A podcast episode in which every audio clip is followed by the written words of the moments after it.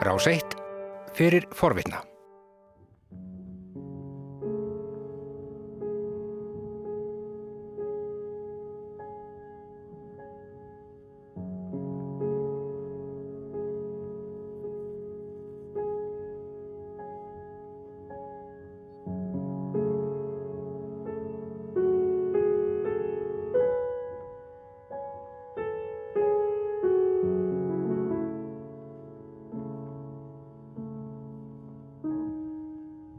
Hún farði svo mikla fórnir, lífið lagði svo margt á hana. Hún misti í rauninni allt en samt stóð hún alltaf keik, alltaf stolt.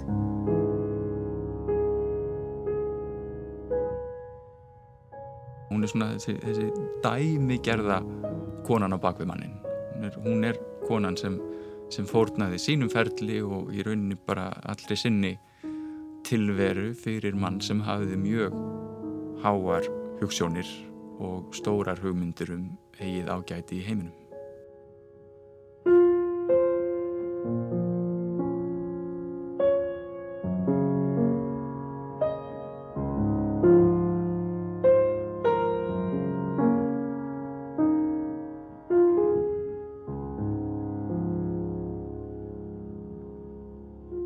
Komið sæl kæru hlustendur.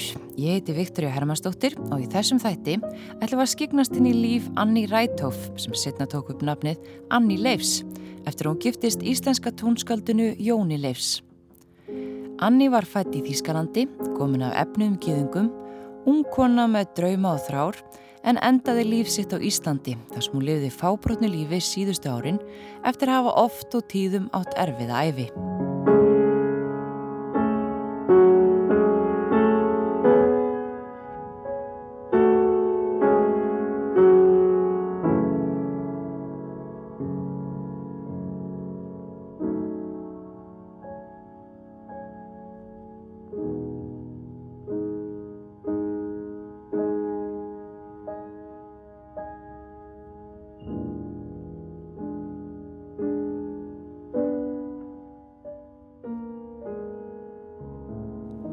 Hér heyru við Anni flytja lagið Rökkur eftir Pól Geiner en þetta er eina fáum upptökum sem til eru að píjónuleikanar.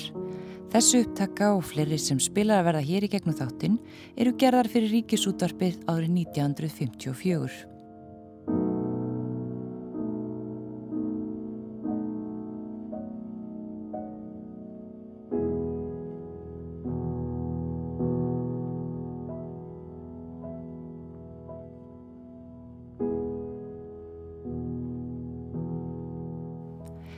hver var Anni Leifs?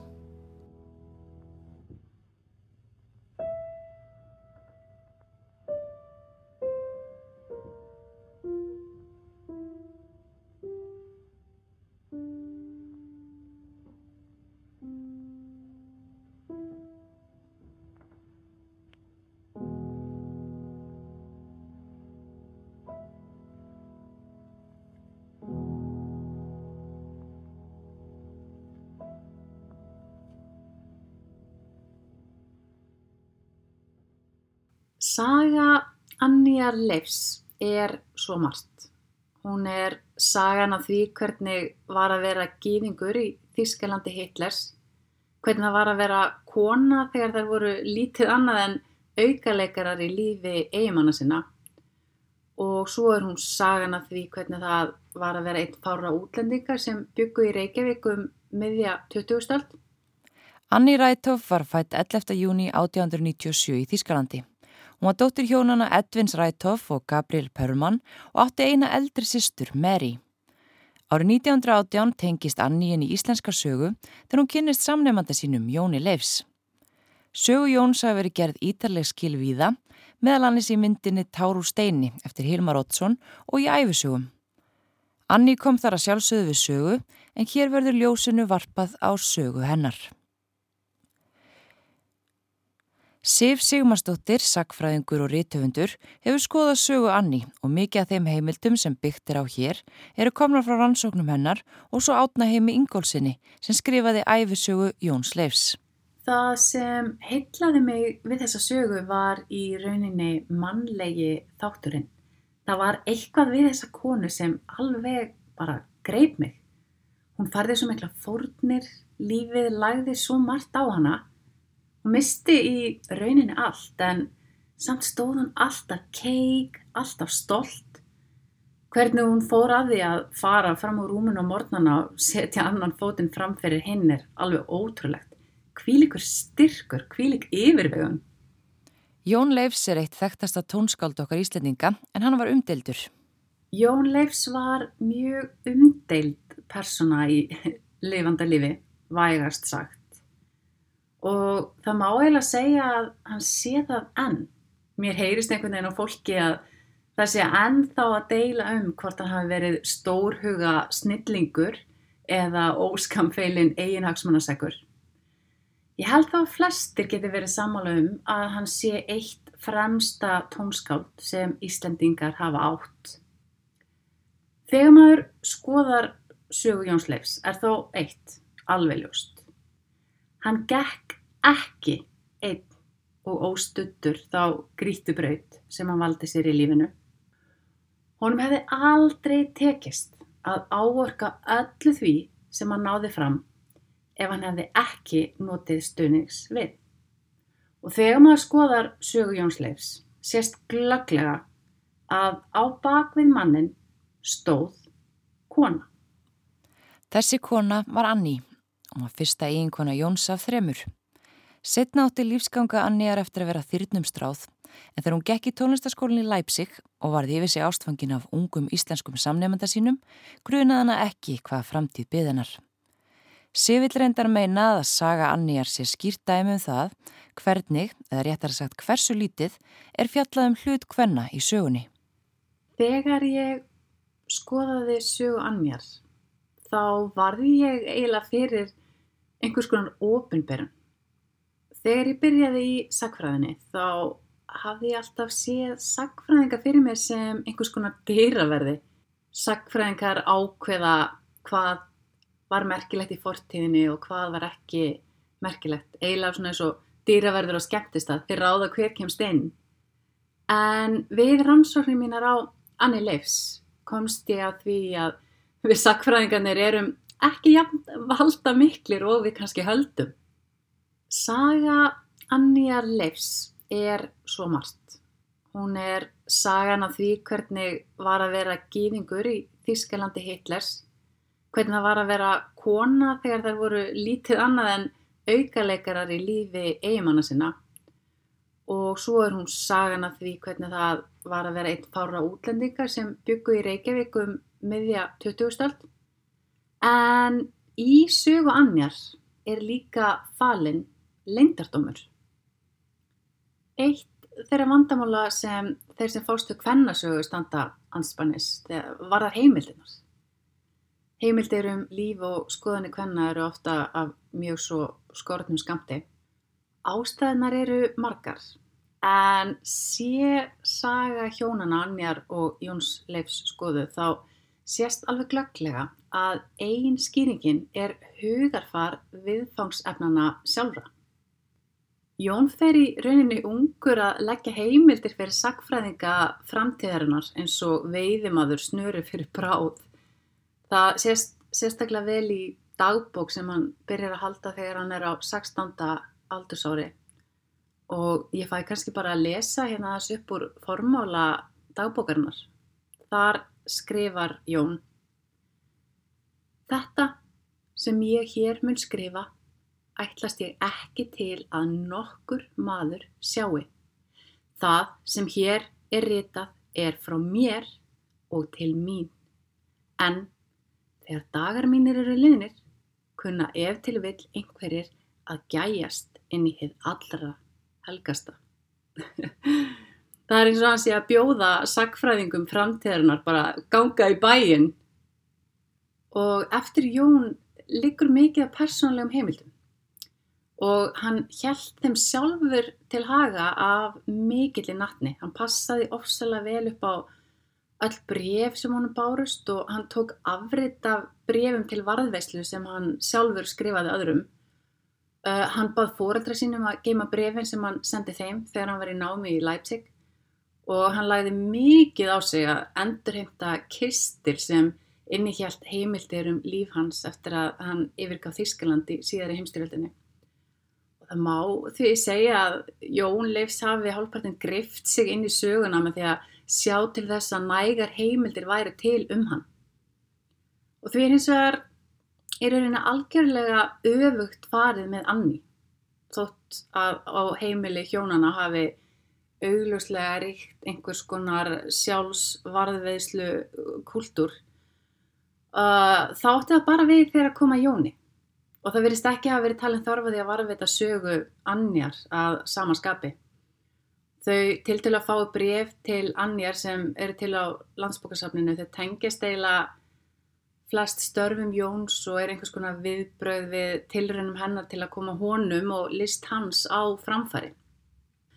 Mér sé að bladadómar um tónleika hennar sem hjónir gemdu verðast að verið kliftir niður og eiginlega bara gemt það sem var sagt um tónlist Jóns á tónleikunum. Jón er því einhvers konar dæmi um einstakling sem hreinlega þröngvar sér á spjöld sögunar með því að tryggja að nægar heimildir séu til um líf hans. Og það má því kannski segja að fyrstu drög af sögunni séu reynilega samin af viðfangsefninu sjálfu. Og að þessu leiti þá má segja að saga Annir Leifs varpi ljósi á það hvers vegna það er svona lítið um konur í sögubókanum það er voruð þarna, það er hafa alltaf verið helmingur mannkjens. En þegar kemur að sögunni er fótspor þeirra einhvern veginn létt og auðmjúkt. Og til þess að heyra það, þá þurfum við kannski að leggja betur við hlustir, kannski grafa dýbra, svo að við heyrum rattir þeirra.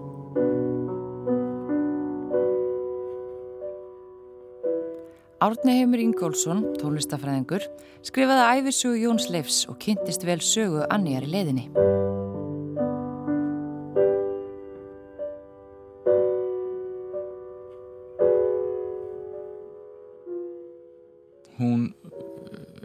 Fætti í Teplit sem er í, bæheimi og er dóttir mjög auðugs verksmiðu eiganda. Hún kemur úr alveg sko vel auðugri fjölskyldu sem að hafi auðgast á því að, að búa til svona fallega skreita glervasa sem ég held að sko annarkvært heimili mið Evrópu um aldamóti 1980 svona vasa. Ef maður fer á bara googlar sko rindskopf vasar þá sér maður sko að það er hægt að kaupa í þúsundatali á, á einhverjum svona formuna síðum bara á netinu í dag svona vasa. Uh, og, og á þessu auðgast fjölskeldan alveg gífurlega þannig að hún, hún elst upp við bara allsnæktir í sjálfu sér og, og foreldrarnir báðir listnegðir og, og svona bara björt framtíði sem blasir við þessari hæfileika ríku ungu konu sem fer síðan til Leipzig og sýstirna líka þær ganga báðar í listaskóla þar í borginni og Anni lærði á píjánó frá unga aldri og þótti afar efnilegu píjánuleikari. Í konunglega konservatorinu í Leipzig lagði Anni stund á píjónuleik undir handleyslu Robert Teichmüller sem hafi verið profesor við skólan frá árinu 1908 og taldist einn virtasti kennarans. Anni vakti fljóta aðtikli meðal samnefnda sinna fyrir miklar tónlistagáfur og þótti líklegt að hún myndi ná land á tónlistabrautinni. Píjónuleikur hennar þótti fáaður, hún var smáhend og þótti hafa fingerðan og skýran píjónutón og var flutningur hennar sagður blíður og íhugull. Og svo kynist um þessum svolítið skriktna og sérviskulega Íslandingi og þá svona fer lífennar á, á svolítið aðra braut, það verður bara að segja sem svo er. Það er mjög örlegarík ákvörðun sem hún tekur. Mjög örlegarík eh, að öllu leiti. Eh, Fóreldrar þeirra begja setja sig upp á móti þessum ráðu hægt til að byrja með og, og pappi Anníjar í rauninni tekur Jón aldrei alveg í sátt, hann hafði hugsað sér allt öðruvísi Teindason, augljóslega allt öðruvísi líf fyrir dóttur sinna og þannig að þau í rauninni geta mjög lítið reitt sig á sko fjárhagslegan stuðning úr þeirri átt og í rauninni endrað með að vera sko foreldrar Jóns sem að halda þeim uppi meir og minna allan, allan þriði áratugin mm. uh, og það er ótrúlegt basl sem þau gangi í gegnum og Fadir Annjar var ekki ánaðið með Jón og ekki tókst Jóni að vinna hann á sitt band með brefi sem hann skrifaði honum til þess að hann tala um fyrir honum. Þar skrifaði Jón. Ég hef í tvö að þrjú ár verið sömu skoðunar og þér að hjónabandi ekki byggjast engöngu á aðdráttarafli og ást. En þegar kona með sjálfstæða vitsmunni brýst inn í ríki sköpunar minnar get ég ekki réttlætað fyrir sjálfum mér að nýta mér ekki gafir hennar í þjónustu mannlegrar viðletni minnar og listrætnar sköpunar alveg án tillits til þess hvernig ég get endurgóldið henni. Jón og Anni voru bæði staðræðan í að hafa listina að atvinnu. Í námi sínu veiktist Jón og þurfti að dvelja lengi á spítala. Í æfisögunu Lífi tónum eftir árnaheimi veldir höfundu því upp að mögulega hafi veikindi Jóns verið af andlegum toga vegna þess að hann var í vafa um hvað stefnaðan ætti að taka í tónlistinni. Hann hafði upprunnulega ætlað að verða píjónuleikari og hljómsveitarstjóri en hafði mun minni reynslað baki en flestir aðri nefndur skólans meðal annars Anni.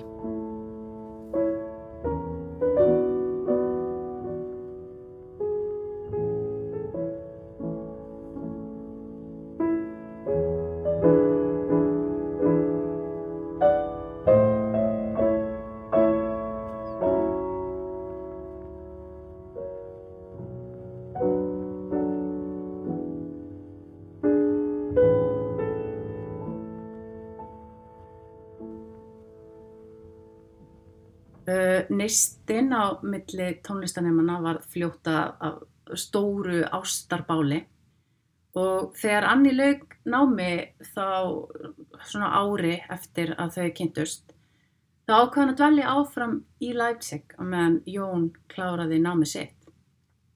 Strax á þessum fyrstu árum sambandstæra kom í ljós hversu mikilvæg Anni var Jóni.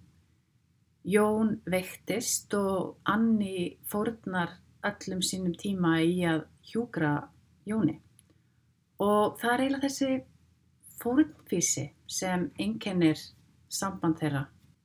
Það er Anni sem stappar í Jón stálinu þegar hann fara efast um að sé ekki nógu góður tólistamæður til að geta unnið fyrir sér sem slíkur. Hún er hún um listagiðja Það var handa Anni sem Jón samti fyrstu fullgerðu tónsmið sína uh, og eftir að Jón útskrifast úr tónlistanámi vinnur Anni baki brotni við að koma tónlistans á framfæri. Svo er hún móðir barnan hans, þau egniðust tvær dætur, Snót og Líf og hún hefur þær á sinni könnu. Og það er kannski eitt dæmi sem er sérstaklega lýsandi um fórnfísi annjar. Uh, árið 1926 þá var Jón ávalt stórhuga að hann einsettur sér að flytja sinfoníhljómsveit til Íslands. En leikur slíkra hljómsveitar hafi aldrei fyrr heyrst hér á landi. Og Anni hjálpaði Jóni mikið við undirbúningin en ekki nóg með það. Anni hún lagði fram flíilin sinn sem veð fyrir hugsanlegu tapi á tónleikaferðinni og að vera án hljóðfæri slítur að hafa sett ungum og upprennandi píanista ansi miklar skorður. Anni hafði óbílandi trú á Jóni en þeim gekk illa að koma undir sér fótunum. Þau sko frá, frá því að Jón útskrifast frá tónlistarháskólum í Leipzig 1921 og þanga til í rauninu upp úr 1930 þegar þau koma sér fyrir í, í svona nákrenni Berlínar að þá er líf þeirra einlega, það er, það er svona, það er rótlaust líf, þau flytja flytjast búferlum svona meðaltali held í einu svona ári. Þau, einhvern veginn, þeim tekst hvergi að koma undir sér fótunum í Þýskalandi búa alveg frá sko trafimundi lengst í norður Þýskalandi til Baden-Baden sem er lengst í, í, í söðurinu sko í runni og, og þetta einhvern veginn þetta mistekst allt hjá þeim. Hún nær ekki að, að einhvern veginn slá í gegn sem pianisti fær ekki mikið af tækifærum uh, fær heldur ekki marga pianonemundur hreinlega. Hann er gengur svona illa að sjá fyrir sér og hann er bara svona miskilu tónskáld sem að enginn vil flytja tónlistin hans og, og finnst hún skrítin. Þannig að, að þetta er svona óttarlegt eimdar líf í rauninni en samt eimir alltaf eftir af því sko. Þau eru bæði í rauninni alin upp sem svolítil svona forréttindaböðn Jón líka vissuleiti hérna svona kom frá svona betri borgara heimili þannig að jafnvel í öllum þessum svona svolítið eimdarlegu aðstæðum að þá eru þau alltaf með vinnukonu. Þannig að það er svona alltaf það er alltaf svona ákveðin viðleikni til þess að, að vera svona einhverjir, einhverjir brottborgarar þó þau, séu það í raunin ekki.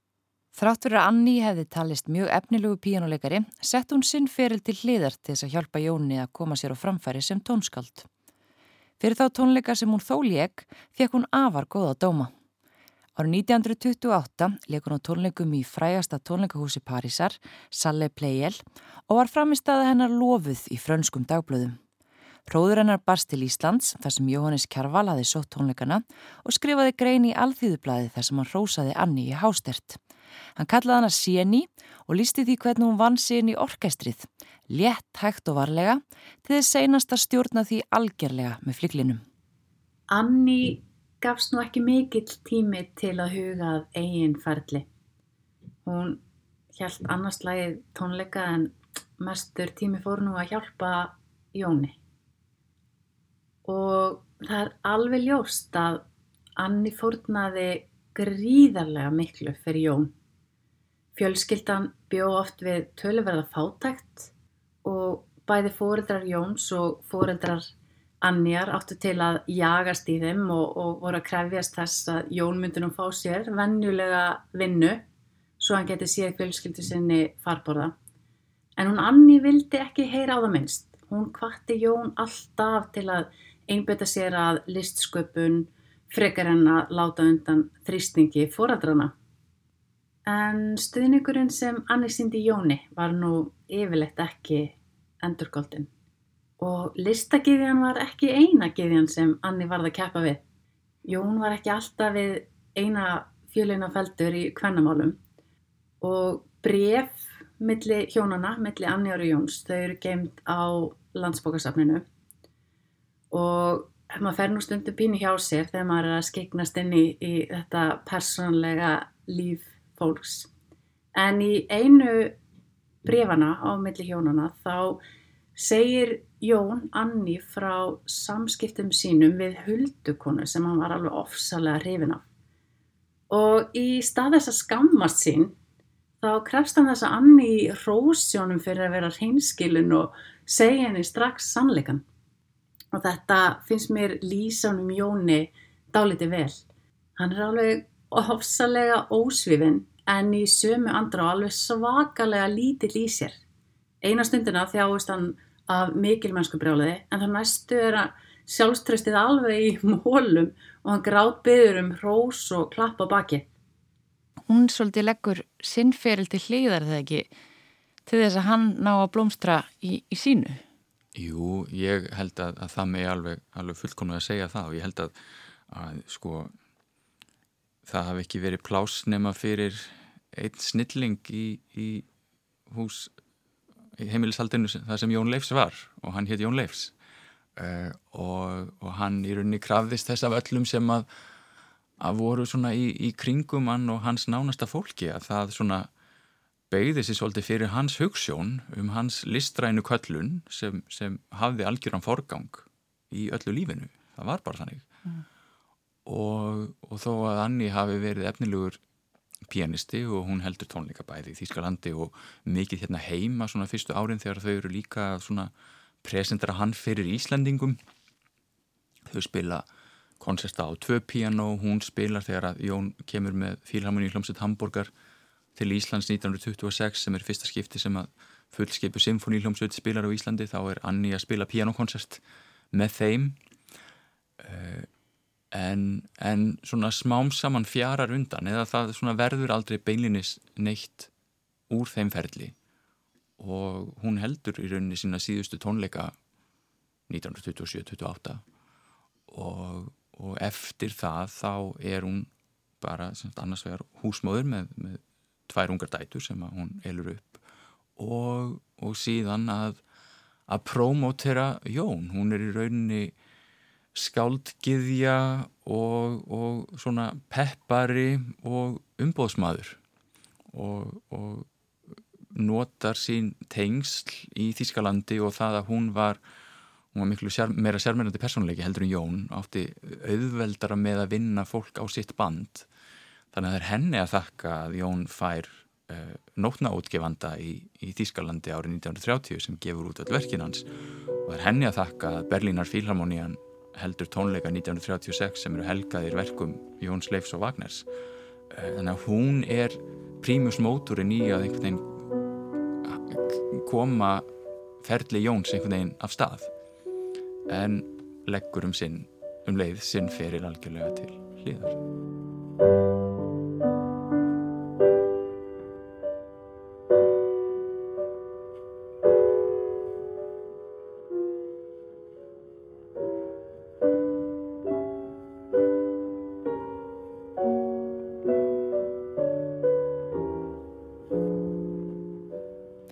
Draumar þeirra Anníjar og Jón sem um lífið eftir tónlistanámið gengur ekki alveg upp og lífið var yfirleitt eintónt basl.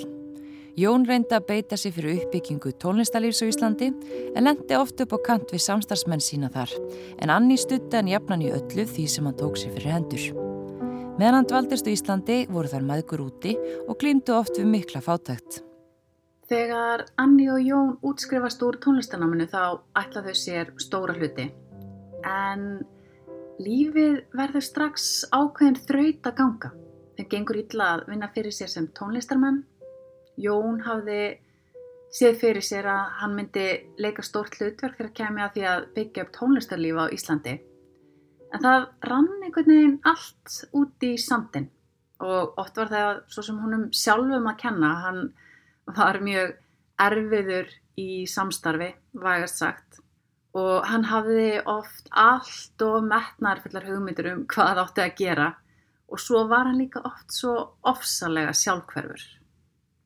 En svo gerist það árið 1933 að Adolf Hitler kemst til valda og Anni er geðingur og smám saman verður lífið þeirra eiginlega bara ein stór tragedía. Fóreldrar Annjar þau rökklast burt af heimili sínu og með aðstóð Jóns reyna þau að bjarga einhverjum eignum sínum og, og það gengur svona allt í lagi. En það er samt alveg ljóst í hvaða stefnir og árið 1942 þá andast Edwin eftir veikindi en stuttu síðar er Gabi handtekinn á nazistum og hún er sendi í fangabúðunar í Treblinka sem voru einhverjar hróttarlegustu útrýmingabúðir sem sögur fara af og þar lauk hún æfisinni. Jón og Anni verðast dálitið blind á pólitíska ástandið í Þísklandi. Það er eins og þeim finnist það einhvern veginn ekki komaðin við. En loksins ákveða þau nú samt að koma sér úr landi og það tekst þau fara til Svíþjóðar.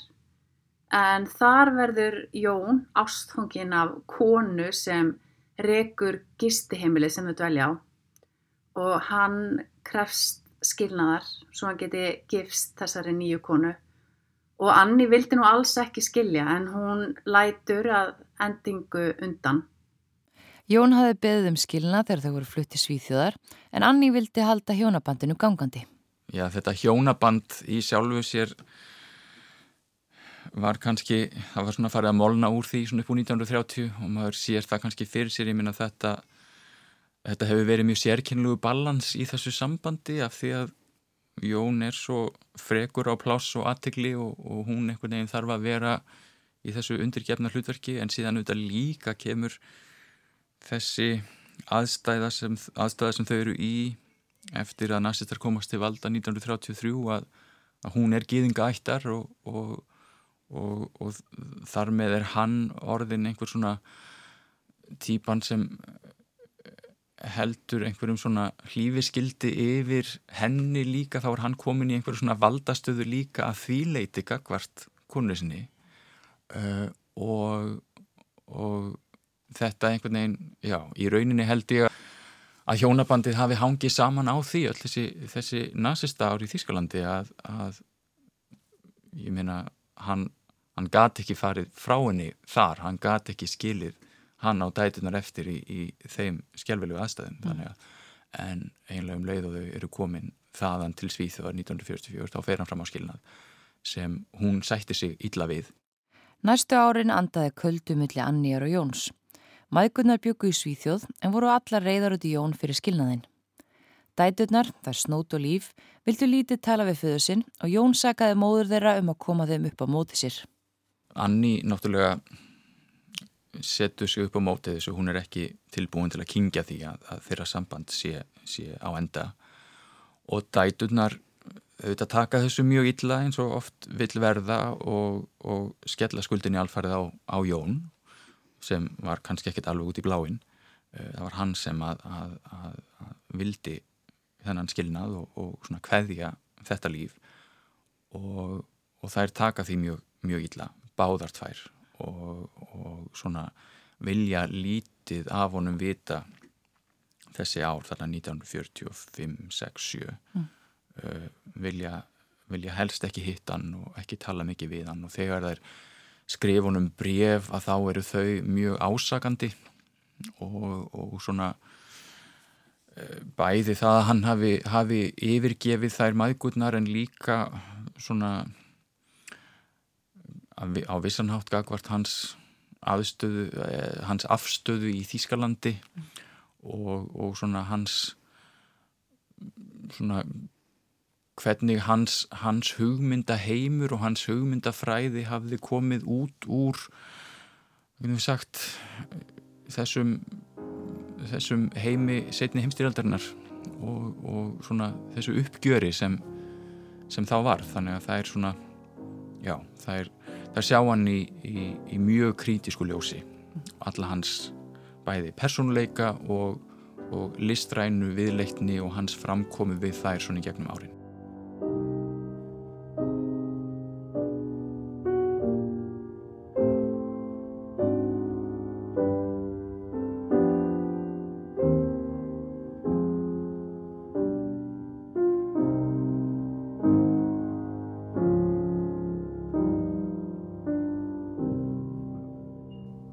Næsta áfall á sér svo stað árið 1947.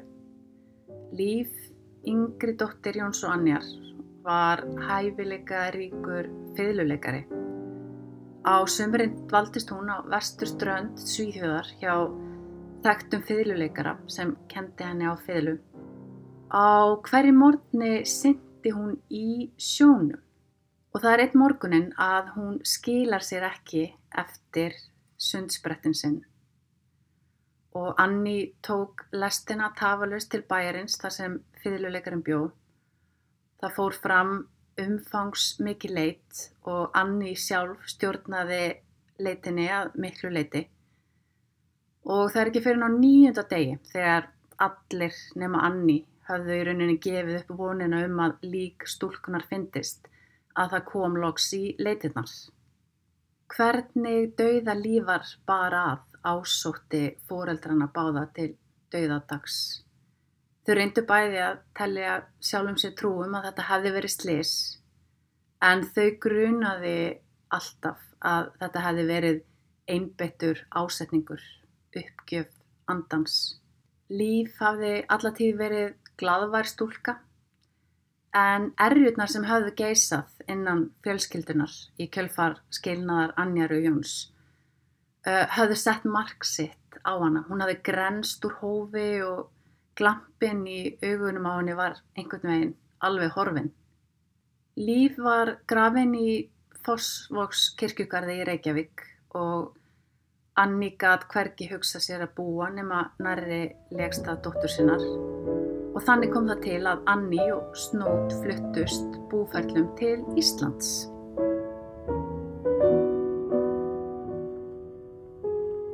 Á Íslandi hóðu þær maður nýtt líf.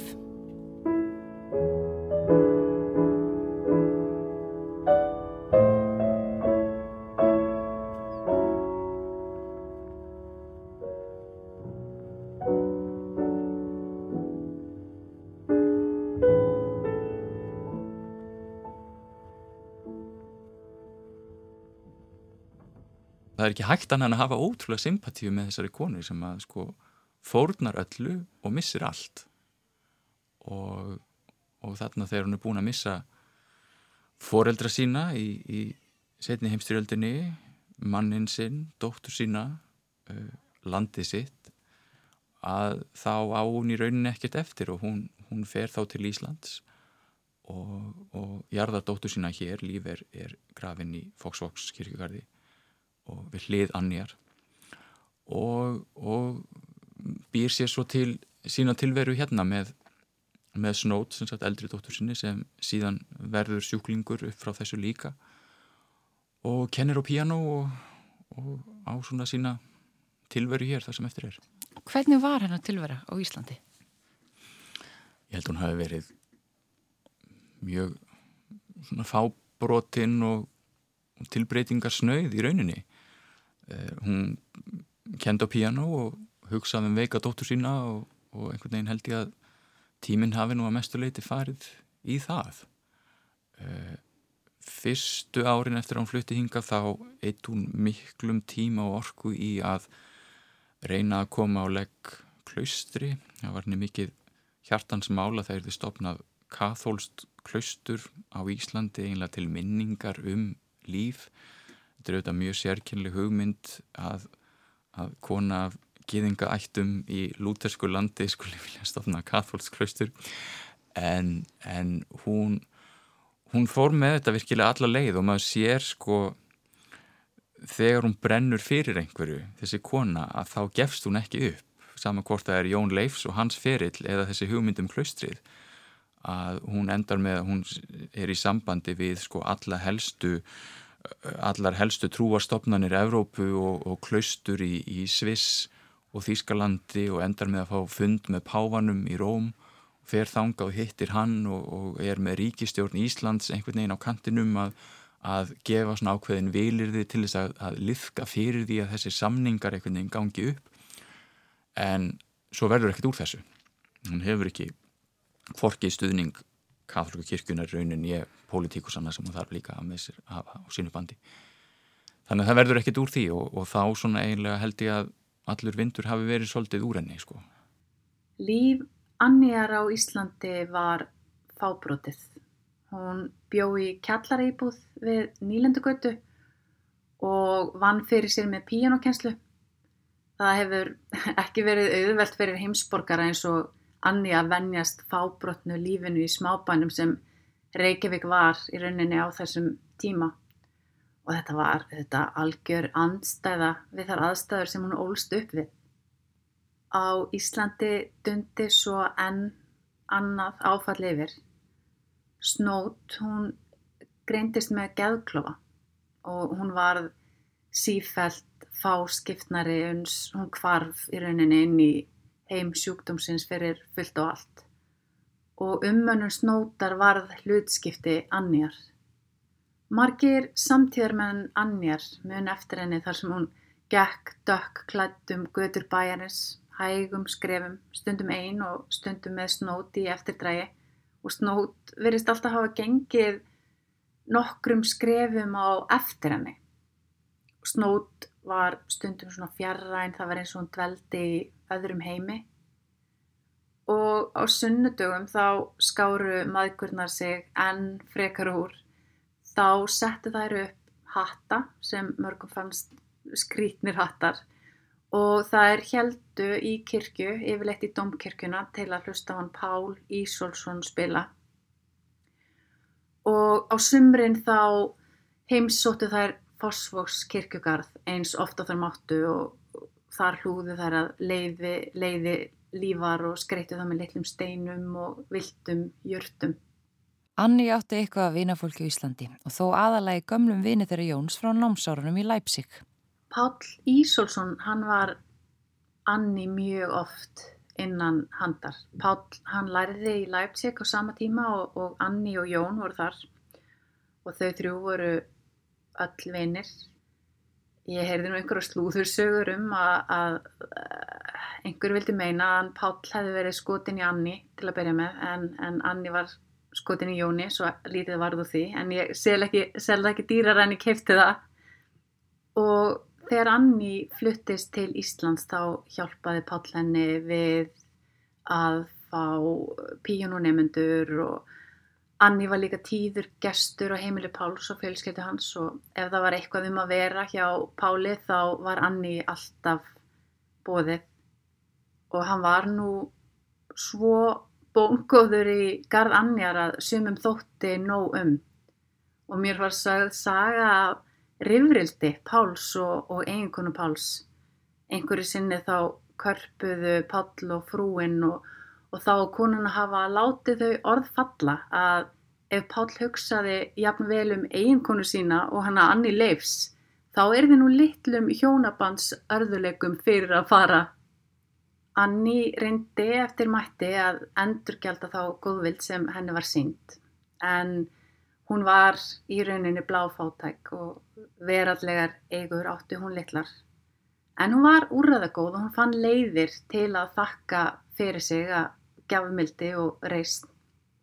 Þurriður Pálsdóttir heitinn, dóttir Páls, stórsönguna, hún saði mér að Anni hefði oft komið færandi hendi heim til fjölskyldunar og þá voru með kannski matvæli sem hún hafi útbúið, súrkálað, þýskum sið, eldaða sveppi sem hún hafi týnt á túnum bæjarins og heimilsfólkið var mjög oft trekt til þess að bragða á þessari framandi kokkamennsku. En Þurriður sagði mér að hann Páll hefði nú alltaf tekið vel til matarsins og hann sá til þess að þessi þakklættis vottur að húnum erði gerð góð skil. Líklega hefur það verið Anni erfitt að byrja upp á nýtt í nýju landi sem hún þekkti afar takmarkað. En hún gafst ekki upp og gerði það besta úr því sem hún hafði.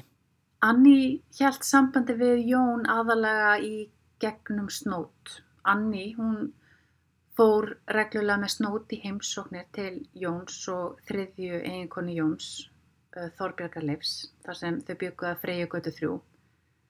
En Anni, hún verist alltaf hafa beðið eftir dótturinni fyrir utan húsið. Og Jón, hann átti það til að fara með hann að snót stundum á veitingastæði bæjarins og þar kendi hann dóttur sinni hvernig átti að njóta á réttanhátt listisemda lífsins í formi matar og drikjar og sagan segir að ósjaldan hafi hann tekið sér til og, og kent starfsfólki veitingastæðana líka hvernig áttu að gera hlutina rétt.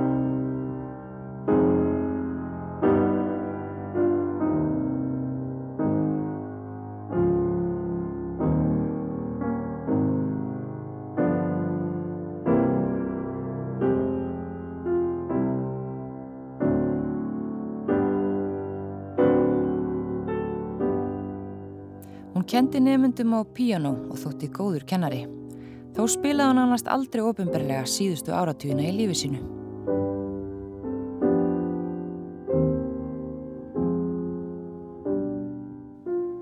Ég held nú að Anni hafi aldrei tekið formlega ákverðun um að hætta að spila. En stundum þvælist lífið einfallega fyrir listinni og kannski ef hún hefði verið uppi á öðrum tíma hefði hún eflaust haft burði til að ná langt. Það sem gerði samt útslæð, það sem var einhvern veginn svona loka nikkurinn, það var þegar hún slasaðist illa á fingri, það var eftir að hún flutti til Íslands. Þá var þetta einhvern veginn alveg búið og það var henni mjög þungbart að geta ekki spilað á píanóið eins og hún var vöna að gera. Líklega hefði Jón ekki náðins langt og hann gerði hefði Annýjar ekki notið við. Þannig auðvitað það notaði hún uh, þessi ár þeirra í Þýskalandi Jóni til góðs kannski fyrst og fremst fremur en, en sjálfri sér til að auka sin eigin fram að hún er svona þessi, þessi dæmi gerða konan á bakvið mannin. Hún er, hún er konan sem, sem fórnaði sínum ferli og í rauninni bara allri sinni tilveru fyrir mann sem hafiði mjög háar hugssjónir og stórar hugmyndir um eigið ágæti í heiminum. Heldur að Anni hefði geta orðið já, frægu pjónleikari eða hvað ef hún hefði stemt í þá átt? Það er svolítið erfitt að segja af því að það hafa svo fáar upptökur varðveist með henni hún í rauninni kom ekki fram ofinberlega sko síðustu hvað 40 árin sem hún lifði eitthvað svo leiðist þannig séð sko. Eh, það eru til upptökur sem hún gerði fyrir ríkisútarpið en þá var hún, hún var fyrir eh, óheppi þarna í þessum ferðalögum sínum þegar hún er að reyna að vinna að stopna þessa klausturs og klemmir á sér eitt puttan og hann varð aldrei alveg í lægi eftir það uh, þannig að svona tæknilega, hvaða píjan og tæknilegu hliðina varðar þá gefa þessar upptökur rauninni enga mynd af því hvernig hún er sem píjanisti mm. Uh, þetta eru svona lög sem að í rauninni bara sko nefnendur spila. Uh, en eflaust hefðum geta náð einhverjum frama í Þískalandi sem sko píjánuleikari og píjánukennari og, og átt eflaust allt, allt annars konar líf.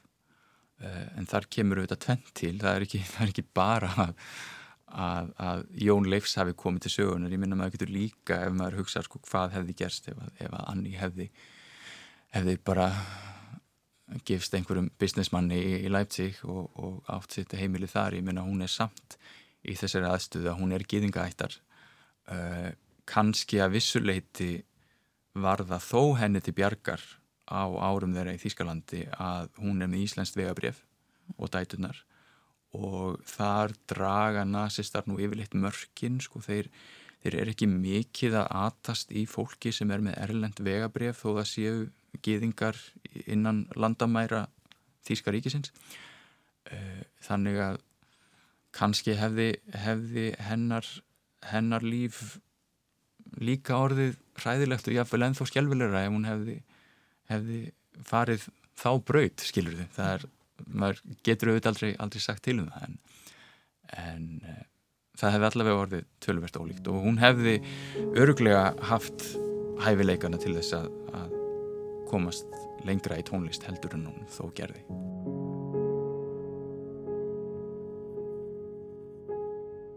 Það er svo oft sem konan á bakvið mannin fær litlar þakkir fyrir framlagsitt.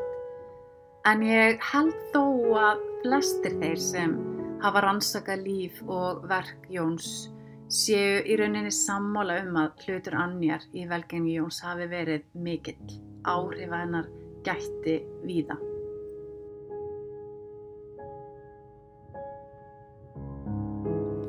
Anni lést árið 1970 og var jörðu við hlið lífar dóttusinnar í Fossháskirkjugarði.